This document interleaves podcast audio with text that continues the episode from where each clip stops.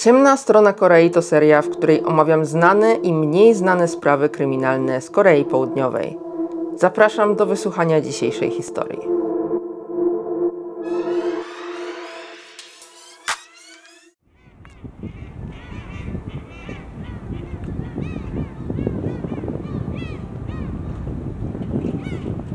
Znajdujemy się w okolicach portów Incheon na zachodnim wybrzeżu Korei Południowej. To właśnie z tego terminala, który znajduje się za mną, 15 kwietnia 2014 roku w swój ostatni rejs wypłynął prom z 476 osobami na pokładzie. Z tego rejsu wróciła zaledwie połowa z nich. Zapraszam Was na tragiczną historię promu Seoul.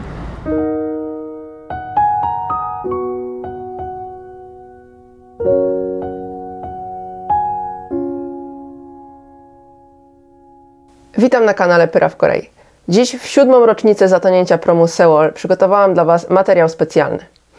Zdaję sobie sprawę, że na kanale znajduje już się filmik na ten temat, ale jest to filmik dosyć krótki, traktujący temat skrótowo i chciałam go dla Was bardziej zgłębić. Kiedy ta tragedia się wydarzyła, ja siedziałam w klasie. Byłam wtedy na studiach tutaj w Korei i pamiętam, że była to chyba teoria komunikacji i pamiętam jak nasza pani profesor czytała po prostu na komórce wiadomości z niedowierzaniem, co się dzieje.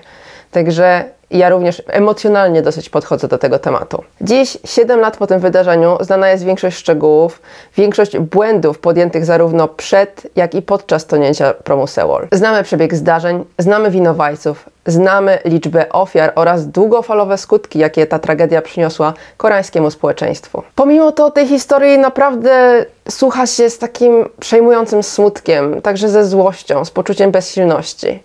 A dlaczego dowiecie się dzisiaj. Dzisiaj prześledzimy każdy element, który doprowadził do tej katastrofy, co działo się podczas tonięcia promu Seoul oraz co stało się potem. Na początku opowiedzmy sobie o samym promie, na którym rozegrała się ta tragedia. Statek znany nam jako prom Seoul zbudowany został w Japonii w 1994 roku, gdzie zresztą kursował aż do 2012 roku pod nazwą Nami no Ue. Prom kursował wtedy na trasie między Kagoshimą a Okinawą i przez wszystkie lata swojej służby nie odnotowano większych problemów. W 2012 roku Prom zakończył swoją służbę w Japonii i jeszcze w tym samym roku został zakupiony przez koreańską firmę Chonghae-jin. Chonghae-jin była największą koreańską firmą operującą promy, jednak musimy sobie zdawać, że w dzisiejszym świecie Operowanie promami nie jest jakby najbardziej lukratywnym zajęciem na świecie, więc ta firma nie była aż takiej wielkiej skali. Prawda jest taka, że Chonghae-jin tonęło w długach. Miała jednak jednego asa w kieszeni, wyłączność na linii Incheon-Jeju. Jeju to największa wyspa Korei, położona na zachód od południowego wybrzeża i Koreańczycy bardzo chętnie jeżdżą tam, między innymi na wakacje. To właśnie ta trasa przynosiła Chonghae-jin największe zyski i bynajmniej nie chodziło o pasażerów o wycieczkowiczów, którzy e, jeździli sobie na wycieczki na Jeju. Chodziło o transport cargo, maszyn, samochodów itd. Pomimo długów, koreańska firma Chonghae zakupiła więc japoński prom i go zmodyfikowała. Jedno ze źródeł podało, że na zakup i modyfikację Chonghae przeznaczyła aż 14 milionów dolarów i po tym wszystkim zmieniła nazwę promu na Seoul. Być może zapytacie, jakie to były teraz modyfikacje tego promu. Przede wszystkim dodano dwa dodatkowe pokłady pasażerskie i zwiększono powierzchnię na składowanie cargo. Seoul mogło zabrać na swój pokład o 116 osób więcej, jednocześnie zwiększając swoją wagę o 239 ton.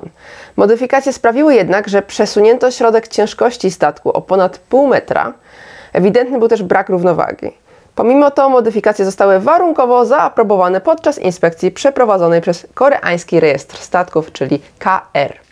I teraz te warunki, dzięki którym dopuszczono w ogóle prom Seoul do obrotu. Zmniejszenie możliwego do przewożenia cargo z 1450 ton do 980 ton oraz zwiększenie balastu z 400 do aż 1703 ton. Balast to jest taki specjalny ciężar, który pozwala zapewnić e, po prostu stabilność statku. Inspektorzy, którzy oceniali tutaj statek Seoul, e, uznali, że tyle balastu jest potrzebne, żeby łódź zachowała stabilność. Niestety wyniki inspekcji KR nie były znane Koreańskiemu Stowarzyszeniu Statków oraz Koreańskiej Straży Przybrzeżnej, a to właśnie oni wydawali zgody na wypływanie danych statków z portu. Nie wiedzieli więc oni o ograniczeniach cargo. Co gorsza, później w trakcie śledztwa ustalono, że ta licencja wydana przez KR była tak naprawdę wydana na podstawie sfalsyfikowanych dokumentów. Chonghae dało po prostu sfalsyfikowane dokumenty.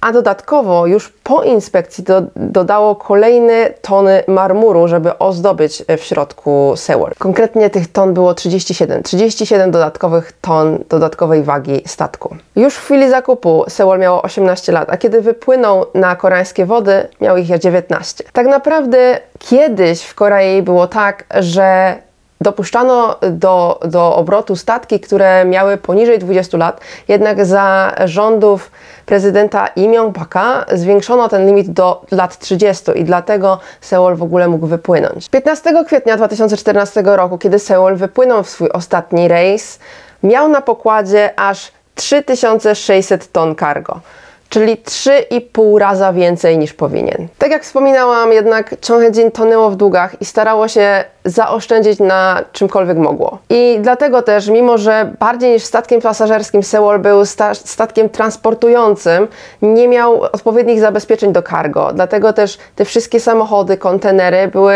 tak naprawdę lekko przymocowane jakimiś linami do podłogi, a tak naprawdę stały luzem. Przejdźmy teraz do załogi promu, bo to też jest ważne. Na pokładzie tego dnia znajdowało się 33 członków załogi, z czego tylko 15 było bezpośrednio odpowiedzialnych za sterowanie statkiem. Reszta to była młodsza załoga, stewardzi, event planerzy, osoby pracujące w kuchni i tak. Natomiast z tych 15 członków odpowiedzialnych za sterowanie statków, aż 9 było, e, było zatrudnionych przez Chonghe przez mniej niż 6 miesięcy, a kapitan statku miał 67 lat w chwili, kiedy statek wypływał. Tak naprawdę statkiem Sewol sterował w zastępstwie, ponieważ oryginalny kapitan miał wtedy urlop. Na szkolenie z zakresu bezpieczeństwa Chonghe przeznaczyło 540 tysięcy won, to jest jakieś 1800 złotych. Mówi się w niektórych źródłach przynajmniej, że tak naprawdę przeznaczyli na, na te szkolenie tyle, ile kosztuje papier na wydanie certyfikatu. Czyli tak naprawdę to szkolenie było nic nie warte. I na koniec, zanim przedstawię Wam wydarzenia tego feralnego dnia, przedstawię Wam pasażerów promu Seoul, bo myślę, że to jest chyba najważniejsze i najbardziej tragiczne w tej historii. Myślę też, że to, kim byli ci pasażerowie, dołożyło niejako oliwy do ognia gniewu, który rozgorzał później w sercach koreańskiego społeczeństwa. Aż 325 z 476 pasażerów było uczniami drugiej klasy liceum Danwon w Ansan. Wraz z wicedyrektorem szkoły oraz 14 innymi nauczycielami, którzy pojechali na tę wycieczkę jako opiekunowie, byli oni w drodze na Jeju, na czterodniową wycieczkę tak zwaną Suhakionsu. 15 kwietnia 2014 roku, tu gdzie się znajdujemy teraz, rozciągała się bardzo gęsta mgła. Widoczność sięgała zaledwie jednego kilometra, nie zezwalano więc na wypływanie wszelkim statkom. Prom Seoul miał opuścić ten terminal planowo o godzinie 18.30, jednak wciąż nie zezwalano na wypłynięcie. Zgodę tę wydano o godzinie 21.00 i to właśnie z takim 2,5 godzinnym opóźnieniem Seoul opuścił terminal w Incheon.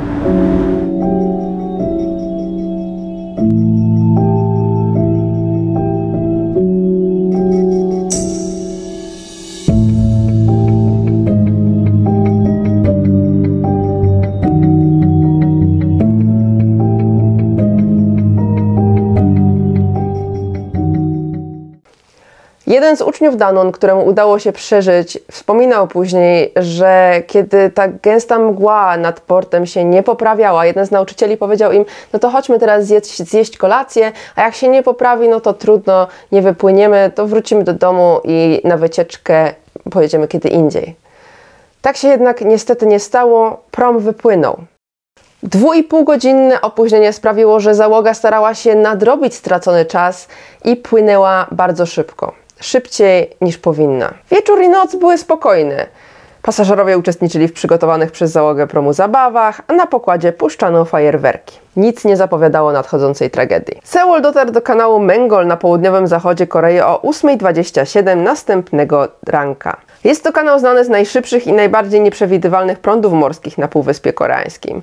Pomimo tego jest to kanał często obierany przez statki, ponieważ pozwala on zaoszczędzić im czas i paliwo. Oczywistym było, że Seoul będzie obierał tę trasę. Zresztą nie było to nic dziwnego, ponieważ była to jego zwykła trasa, którą płynął aż do Jeju. Planowo przez kanał Prom Seoul przeprawić miał starszy oficer z większym doświadczeniem, jednak przez to, że do kanału dotarli przez te opóźnienia wszystkie z poprzedniego dnia Później niż z- zwykle, później niż powinni, ich zmiany się skończyły, no i musieli się zamienić. U steru stanęli więc młodsi członkowie załogi z mniejszym doświadczeniem. O 8.20 zmieniono sterowanie z automatycznego na manualne. W tym czasie w jadalni podawano już śniadanie, pasażerowie, w tym uczniowie, rozmawiali sobie wesoło, jedli to śniadanie beztrosko, nic nie zapowiadało, że coś się będzie działo. O 8.46 z jakiegoś powodu młodsza oficer nakazała sterownikowi zmienić kurs z 135 na 140 stopni, co spowodowało natychmiastowe przechylenie się statku. Kolejne próby skorygowania kursu sprawiły tylko tyle, że prom przechylał się coraz bardziej, wykonał bardzo, bardzo ostry skręt, który no nie powinien zostać wykonany,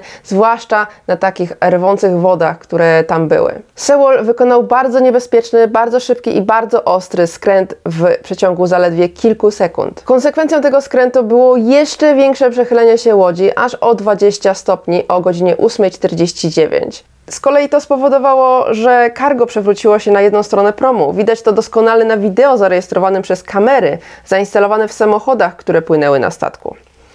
Myślę, że widok jest absolutnie przerażający i pokazuje skalę i prędkość, z jaką prom się przechylił. Natychmiast woda zaczęła dostawać się do środka statku. Do tego momentu kapitana nie było nawet na mostku, ponieważ siedział w swojej kabinie. O 8.52 Seoul zaczął tonąć. W tym momencie chciałabym przerwać jakby tę normalną narrację, tutaj opowiadam Wam jak było i opowiedzieć Wam jak powinno teraz być, jak ta sytuacja powinna się rozegrać, żeby to wszystko, co stanie się później, się nie stało. Kapitan wbiega na mostek. Nie było go wcześniej na mostku, no ale wbiega na ten mostek i natychmiastowo ocenia sytuację. Widzi, jak bardzo przechylony jest statek, jak przechylony jest na bok i że nie ma możliwości uratowania już tej sytuacji. Nie ma możliwości, że on nie zatonie. Kapitan zawiadamia Straż Przybrzeżną i zarządza natychmiastową ewakuację wszystkich pasażerów. Pasażerowie ubrani w kamizelki ratunkowe czekają na Straż Przybrzeżną na pokładzie albo w najgorszym wypadku wskakują do wody i tam czekają, aż Straż Przybrzeżna weźmie ich na swoje łodzie i przetransportuje bezpiecznie na ląd. Seoul tonie, ale wszyscy pasażerowie są bezpieczni. I wiecie co, w idealnym świecie, gdyby nie popełniono błędów, tak właśnie by się stało. Co więcej, koreańskie media na początku, kiedy pojawiały się pierwsze raporty jakby z tego zdarzenia, to pierwsze raporty mówiły, że uratowano wszystkich pasażerów. Niestety okazało się, że te pierwsze raporty były dalekie od prawdy. A dlaczego? Dlatego, że ten scenariusz, który Wam przedstawiłam, ten idealny scenariusz, nigdy się nie wydarzył. Ponad 300 uczniów liceum Danwon usłyszało, że nie mają się ruszać z miejsc, że wszyscy pasażerowie mają siedzieć na miejscach w swoich kabinach. Zwłaszcza uczniowie Danwon mają siedzieć na miejscu i się nie ruszać, bo tak jest najbezpieczniej. Usłyszeli to w momencie, kiedy statek był już bardzo mocno przechylony, co zresztą widać na filmikach. Dla uczniów, którzy znajdowali się w kabinach e, po stronie, w którą przechylony był prom, liczyła się każda sekunda. Jak najszybciej powinni wydostać się z tych kabin, żeby mieli w ogóle możliwość przeżycia. Posłuchali jednak tego ogłoszenia od załogi i siedzieli i czekali na ratunek. Stało się tak, że zaufali osobom dorosłym. Przecież od dziecka wmawiano im, że dorośli wiedzą lepiej, dlatego posłuchali kogoś, kto wie lepiej. Tylko czy dorośli wiedzieli lepiej? Tak naprawdę nie. Załoga była totalnej rozsypce i tak naprawdę pierwszy sygnał y, z prośbą o pomoc, o ratunek nie wysłała nawet załoga. O 8.52 telefon do służb ratunkowych wykonał jeden z uczniów e, liceum Danwon. O 8.52, a więc praktycznie w momencie, kiedy statek zaczął się niebezpiecznie przechylać e, na 119, czyli koreański numer ratunkowy, zadzwonił 17-letni Che Do-ka, czyli właśnie licealista z Danwon. Został on połączony później ze Strażą Przybrzeżną i gdy Che Do-ka został połączony z tą Strażą Przybrzeżną, straż pytała go o o to, gdzie dokładnie się znajduje. Już pomijając, że pytali mnóstwo razy, y, jak nazywa się ten statek, to pytali go też, y, gdzie się znajduje, ale pytali go o współrzędne geograficzne, o szerokość i długość geograficzną. Ucznia, licealistę, który spanikowany dzwonił, ponieważ statek się przechylał, tak? Straż Przybrzeżna nie zdawała sobie sprawy, nawet nie przyszło im to do głowy, że o pomoc może dzwonić pasażer statku, a nie członek załogi, bo wiadomo, że członek załogi będzie y, znał te dane, tak?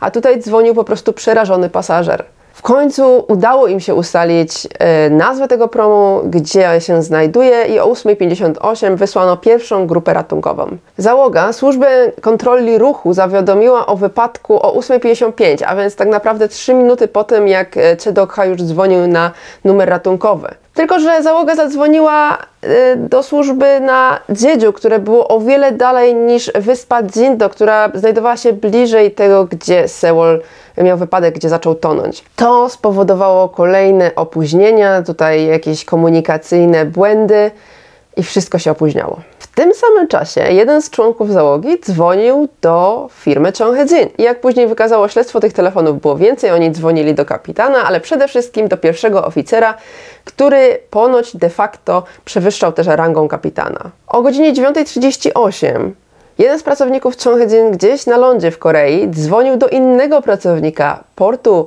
Incheon, żeby ten zniszczył wszelkie dokumenty, które miałyby wskazywać na to, że Seoul wyruszył w swój rejs przeładowany. W końcu na miejsce przybyły pierwsze grupy ratunkowe helikoptery, ale czy to z zaskoczenia, że nikogo nie ma w wodzie, czy to z braku zrozumienia e, powagi sytuacji, że tutaj są uwięzieni pasażerowie na statku, przez pierwsze kilka minut tak naprawdę nie podejmowali żadnych prób ratunkowych. A tak naprawdę pierwsi w ogóle na miejscu zdarzenia pojawili się okoliczni rybacy, którzy w mig pojęli sytuację i byli zaskoczeni tym, że nikogo nie ma w wodzie, nikt nie wyskakuje, przecież ta łódź jest totalnie przechylona e, i zachowały się jakby rozmowy między rybakami a służbą kontroli ruchu i naprawdę ewidentne jest, że ci rybacy pojmują co się dzieje, widzą co się dzieje, rozumieją tę sytuację i słychać frustrację w ich głosie, dlaczego nikt nic nie robi. Pierwszą osobą, która została uratowana z tonącego promu Sewol był pierwszy oficer, a zaraz za nim kapitan oraz reszta członków załogi. Mówię oczywiście o tych 15 osobach odpowiedzialnych za sterowanie statkiem. Kapitan, co można zobaczyć na materiałach wideo z tego wydarzenia, schodził ze statku w samych majtkach. Wściekłość Koreańczyków wzbudziła też postawa sternika, który udzielał później jak już został uratowany, wywiadu dla mediów. Został on zapytany o swoją ucieczkę ze statku i powiedział, że kapitan nakazał opuszczenie statku, byłem chyba siódmy czy ósmy w kolejce. Na co dziennikarz zapytał, czy jeśli kapitan wyda rozkaz, natychmiast trzeba opuścić statek. Na co sternik odparł, że według oficjalnego protokołu najpierw należy pomóc w ewakuacji osobom starszym, niezdolnym do ewakuacji oraz dzieciom. Na co dziennikarz zapytał, dlaczego nie trzymano się więc protokołu. Dlaczego nie pomagano pasażerom? Na co sternik odparł, że przecież to nie była sytuacja, w której można się było trzymać protokołu, o czym wy w ogóle mówicie, nie było jak wejść do tych kabin, jak myśmy mieli wejść do tych kabin, dziwni jesteście. W ten sposób odpowiedział, no i tym bardzo zdenerwował koreańską społeczność. Ani kapitan, ani starszy oficer, ani nikt z tej 15-osobowej załogi nigdy nie wydał rozkazu o ewakuacji. Jedynym ogłoszeniem, które z głośników usłyszeli pasażerowie było to, że mają się nie ruszać. W tym samym czasie reszta załogi, te 18 osób, którzy nie byli bezpośrednio odpowiedzialni za sterowanie statkiem, próbowali z całych sił pomóc y, pasażerom wydostać się ze statku. Ci, którzy przeżyli, opowiadali później o bohaterach promu Seoul. 22-letnia Pak Jiyoung uratowała wielu uczniów, nakładając na nich kamizelki ratunkowe i wypychając ich wręcz ku kurze statku gdzie mogli się jeszcze ratować. Gdy jeden z uczniów zapytał ją, a czemu ona nie wychodzi z nimi, odpowiedziała, że załoga ze statku schodzi ostatnia. No jak widać nie. Przynajmniej nie w wypadku kapitana, czy starszego oficera, czy reszty tej załogi odpowiedzialnej za sterowanie statku. A jak widać, ta 22-letnia Pak miała kręgosłup moralny, którego brakowało chociażby kapitanowi czy starszemu oficerowi.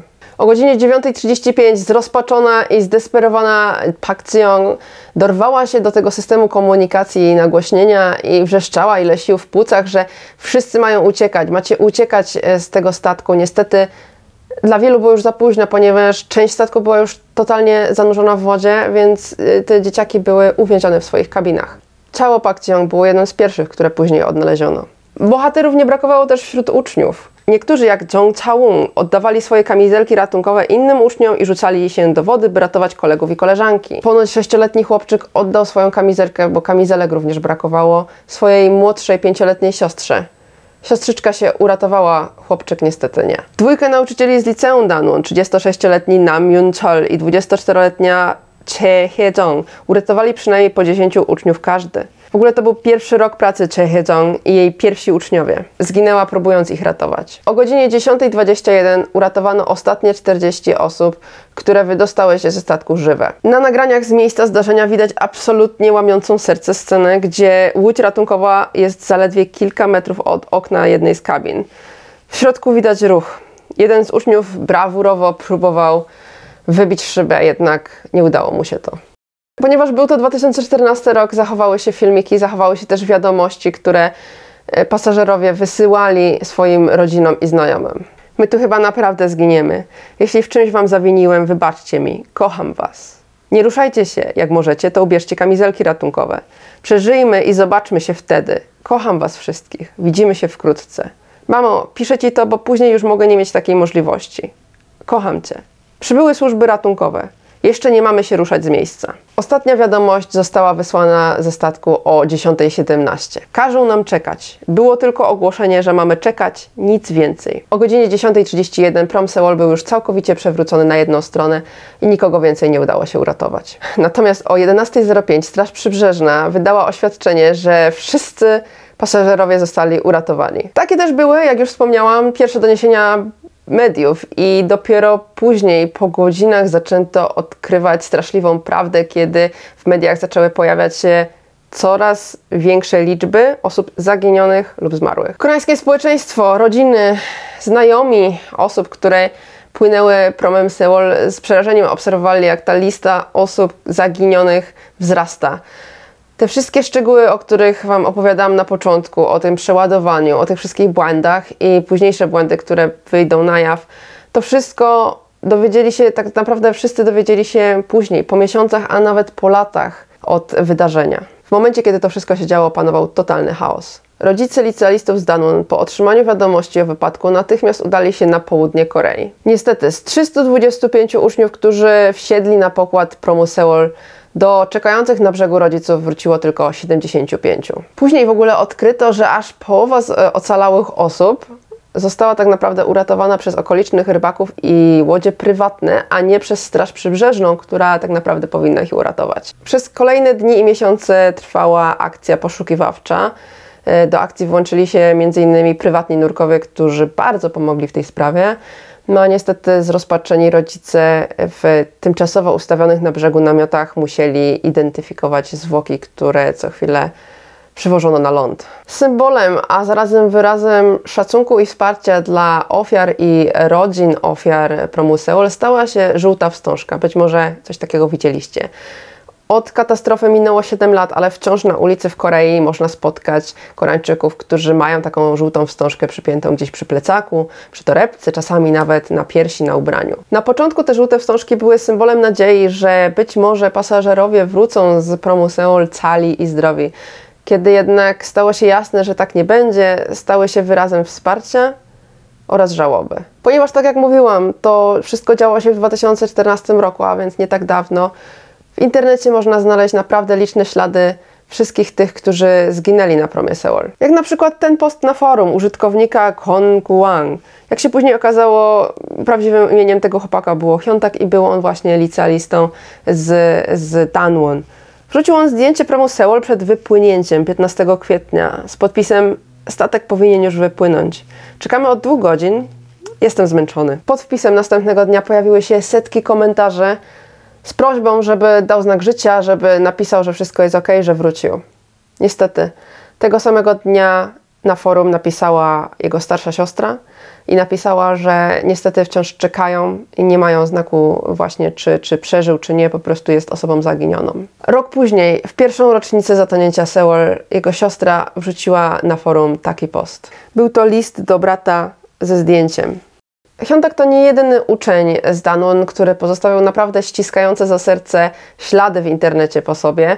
E, takim użytkownikiem Twittera był StartPsyker28 i był to również uczeń Danun. I możecie sobie naprawdę sprawdzić na Twitterze, ponieważ jego wpisy wciąż tam wiszą. Zapisał on całą swoją wycieczkę. 15 kwietnia wieczorem był podekscytowany podróżą, pisał o gęstej mgle, później o fajerwerkach puszczonych z pokładu, pisał nawet kiedy idzie spać. A następnego dnia rano zaczęły pojawiać się wpisy, że statek jest przechylony, potem, że założył kamizelkę ratunkową, załączył nawet zdjęcie. O 9.58 napisał toniemy. O 10.01 uratujcie nas proszę. Tweetował aż do godziny 10.04. Jego ostatni tweet bez opisu przedstawia zdjęcie w kabinie oraz kawałek okna. Spójrzcie na okno. Za oknem nie widać nic poza przerażającą ciemnością. W lipcu 2014 roku wyciągnięto z wraku e, ciało ostatniego członka załogi i liczba ofiar sięgnęła 294 osób. 10 osób wciąż było zaginionych. W marcu 2017 roku rozpoczęły się prace nad podniesieniem wraku Seoul z dna morza. Do tego celu rząd koreański zatrudnił szanghajską firmę, która najpierw e, na całym dnie morza w okolicy rozciągnęła taką wielką siatkę, żeby żadne części statku, czy być może zwłok nie odpłynęły. Seoul zacumował po raz ostatni w porcie Mokpo na południowym wybrzeżu Korei. Oficjalny bilans ofiar z katastrofy 2014 roku to 304 osoby. Myślę, że warto też wspomnieć, co w tym czasie robił rząd z ówczesną prezydent Park Geun-hye na czele, bo to jest bardzo ciekawe.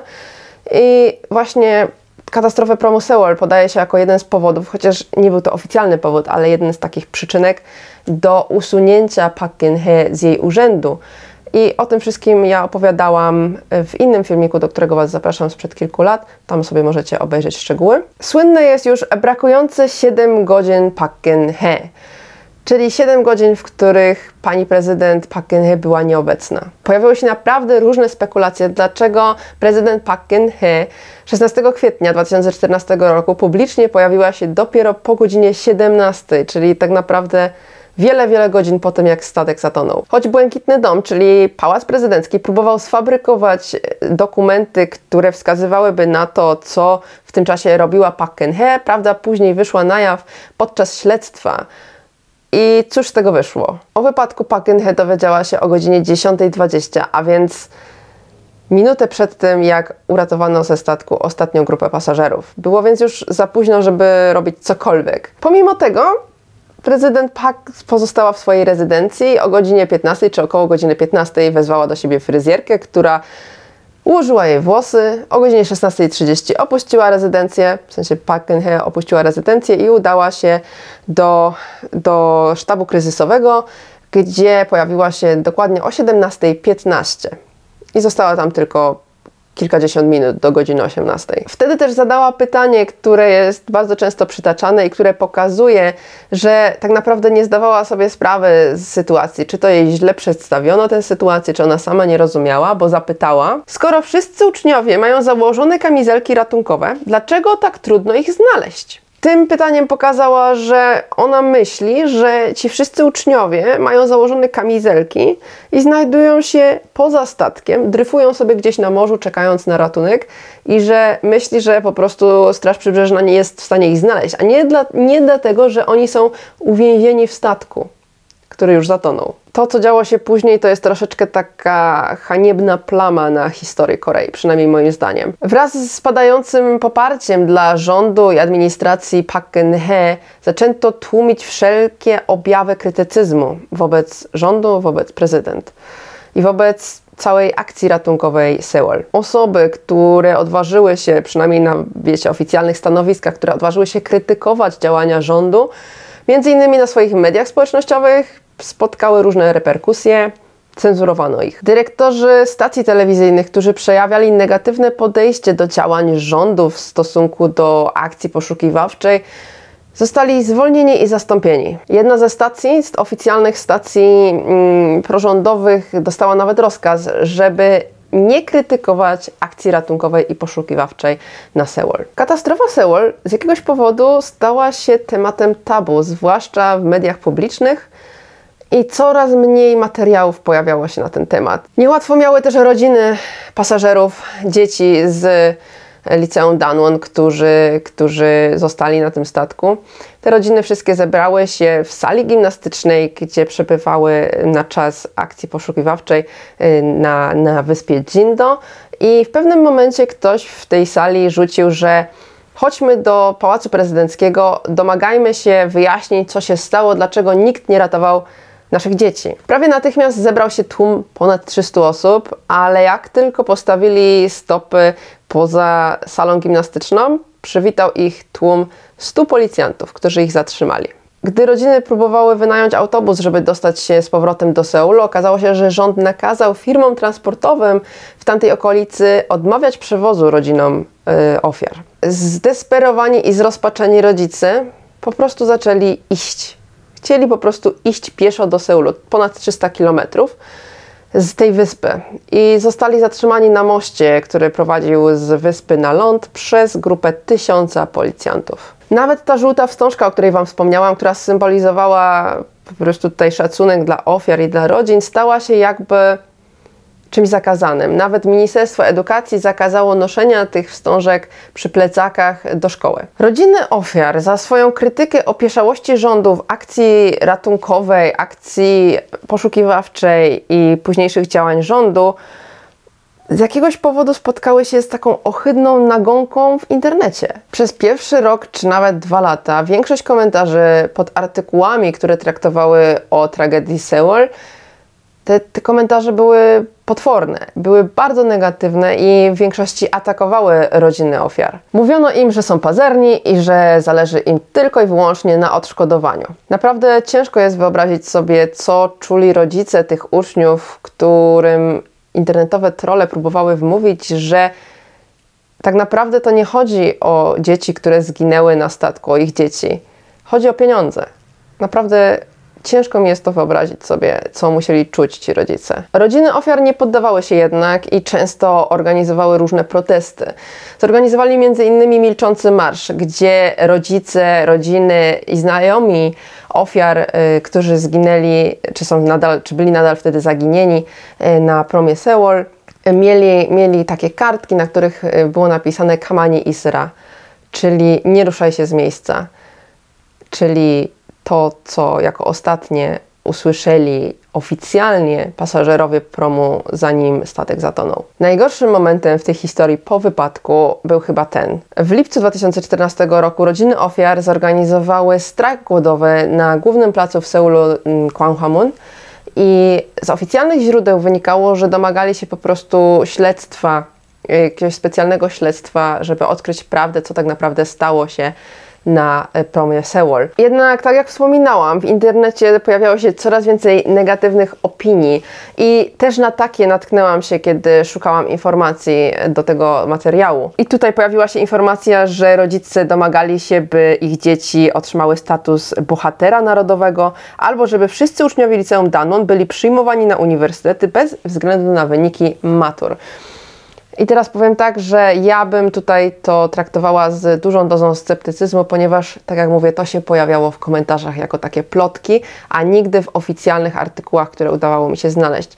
I tak jak mówiłam, panowała bardzo negatywna atmosfera w stosunku do rodzin ofiar w tym czasie. Dlatego naprawdę myślę, że tutaj te informacje należy traktować z dozą sceptycyzmu. Oficjalnie domagali się po prostu lepszego śledztwa, które odkryłoby prawdę tego, co stało się na statku. Zwłaszcza, że większość tych wszystkich błędów i rzeczy, które robiła załoga, która robiła firma Chonghedzin, wszystko to wyszło na jaw tak naprawdę dopiero później, albo to, co robił rząd, to wszystko wyszło na jaw dopiero praktycznie po obaleniu rządu i administracji Park Geun-hye. Wracając do strajku głodowego, kiedy rodziny ofiar protestowały na placu Gwanghwamun, w ich pobliżu zebrał się około 100-osobowy tłum użytkowników strony internetowej Ilgan Best, w skrócie ILBE.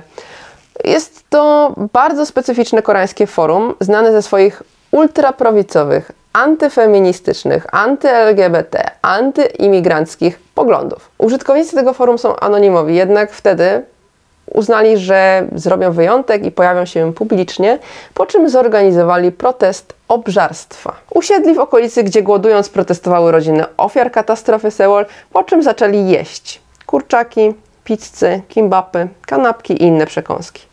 Protestowali w ten sposób zachowani rodziny ofiar, które według nich robiły wszystko pod publiczkę.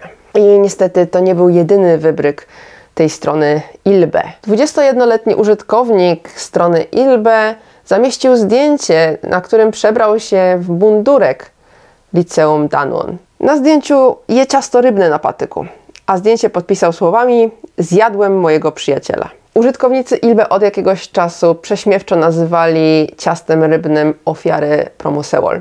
Te osoby, które zginęły na promie Seoul, sugerując, że stały się pożywieniem dla ryb, z których później zrobiono to ciasto rybne. Pozwolicie, że nie skomentuję tego, tych dwóch wydarzeń, ponieważ myślę, że komentarz jest zbędny. Jeżeli chodzi o tego 21-latka, to jego matka później bardzo przepraszała w mediach za zachowanie syna. Syn został aresztowany zresztą. Nie znaczy to oczywiście, że całe koreańskie społeczeństwo opanowała znieczulica i brak sympatii dla rodzin i ofiar. Wręcz przeciwnie, powiedziałabym, że naprawdę dużo osób w tym czasie nosiło te żółte wstążki, a na przykład piosenkarz Kim Jong-un nagrał duet z uczennicą Ibomi, która zginęła na promie. Wykorzystał do tego nagranie Bomi, która śpiewa piosenkę Insuni Goose Dream i zrobił z tego po prostu piosenkę, którą wydał i wrzucił na swój kanał na YouTubie. Możecie to sobie obejrzeć, oczywiście link będzie w opisie. We wrześniu 2014 roku wydano piosenkę uczennicy Kim Sion, która również zginęła na promie. Do tego wykorzystano nagranie piosenki, którą ona zresztą napisała i nagrała na swoim smartfonie. Wyekstraktowano po prostu jej głos tej piosenki, dodano instrumenty, dodano linię melodyczną i wydano taką piosenkę e, o tytule Ja i Dedzia, czyli Hej, ty świnko. Oczywiście również możecie posłuchać i zobaczyć sobie w opisie będzie link. Przejdźmy teraz do śledztwa procesu i kar, bo myślę, że to też jest bardzo ważne. Na początku wspomnę o kimś, o kim jeszcze nie mówiłam w tym filmiku, mianowicie o Yu Pyong-onie, czyli głowie firmy Chonghedzin głowie, nie prezesie, ponieważ to była firma zarządzana jakby rodzinnie i on stał jakby na czele, chociaż nie był oficjalnym prezesem. Yu Byung-on, czyli milioner, założyciel sekty religijnej oraz anonimowy fotograf, był znany z tego, że unikał publicznych wystąpień a miał swoje za uszami, ale to myślę, że jest materiał na inny filmik, bo jego biografia była naprawdę interesująca. W każdym razie jego prawnicy zaprzeczali, jakoby miał on jakiekolwiek związki z Chung He-jin, że on tutaj kiedyś był, tak, faktycznie, no ale już nie. Prezesem jest ktoś inny, prezesem jest e, bodajże Kim Han-sik, a on tutaj nie ma żadnego związku z tym. Jednak śledztwo wykazało coś innego, mianowicie, że Yu Byung-on otrzymywał 15 e, milionów miesięcznie, to jest 15 milionów to jest jakieś 50 tysięcy złotych miesięcznie, przez rok, czy nawet ponad rok, był też na liście pracowników Chonghedzin jako pracownik numer jeden. Co więcej, podczas modyfikacji Seoul dodano do Seoul e, piąte piętro, które służyło głównie jako galeria fotografii Yu Byung-ona. Ponoć prezes Kim Han-sik wielokrotnie ostrzegał Yu Byung-ona o tym, żeby nie przeciążać Seulu, że ono się bardzo mocno przechyla i o tym wszystkim Yu Byung-on wiedział, ale machnął na to ręką. Y, koniec końców doszli do wniosku, że sprzedadzą Seul i w marcu Seul został y, wystawiony na sprzedaż, jednak cały czas kursował na swojej trasie. Po wypadku Seoul w maju 2014 roku wydano nakaz aresztowania Yu, jednak słuch po nim zaginął, policja nie była w stanie go odnaleźć. Um, ustalono nawet nagrodę za informację, która doprowadziłaby do aresztu Yu w wysokości 500 milionów won, czyli to jest milion 700 tysięcy złotych. Nie udało się go jednak znaleźć. Za to w czerwcu 2014 roku na polu śliwkowym e, oddalonym od Seulu o jakieś 300 km odnaleziono ciało. Zwłoki zidentyfikowano jako zwłoki Yubiong Ona i uznano, że było to samobójstwo. W listopadzie 2014 roku zakończył się proces 15 członków załogi Seoul. Kapitan Lee Jun-sok został skazany na 36 lat więzienia.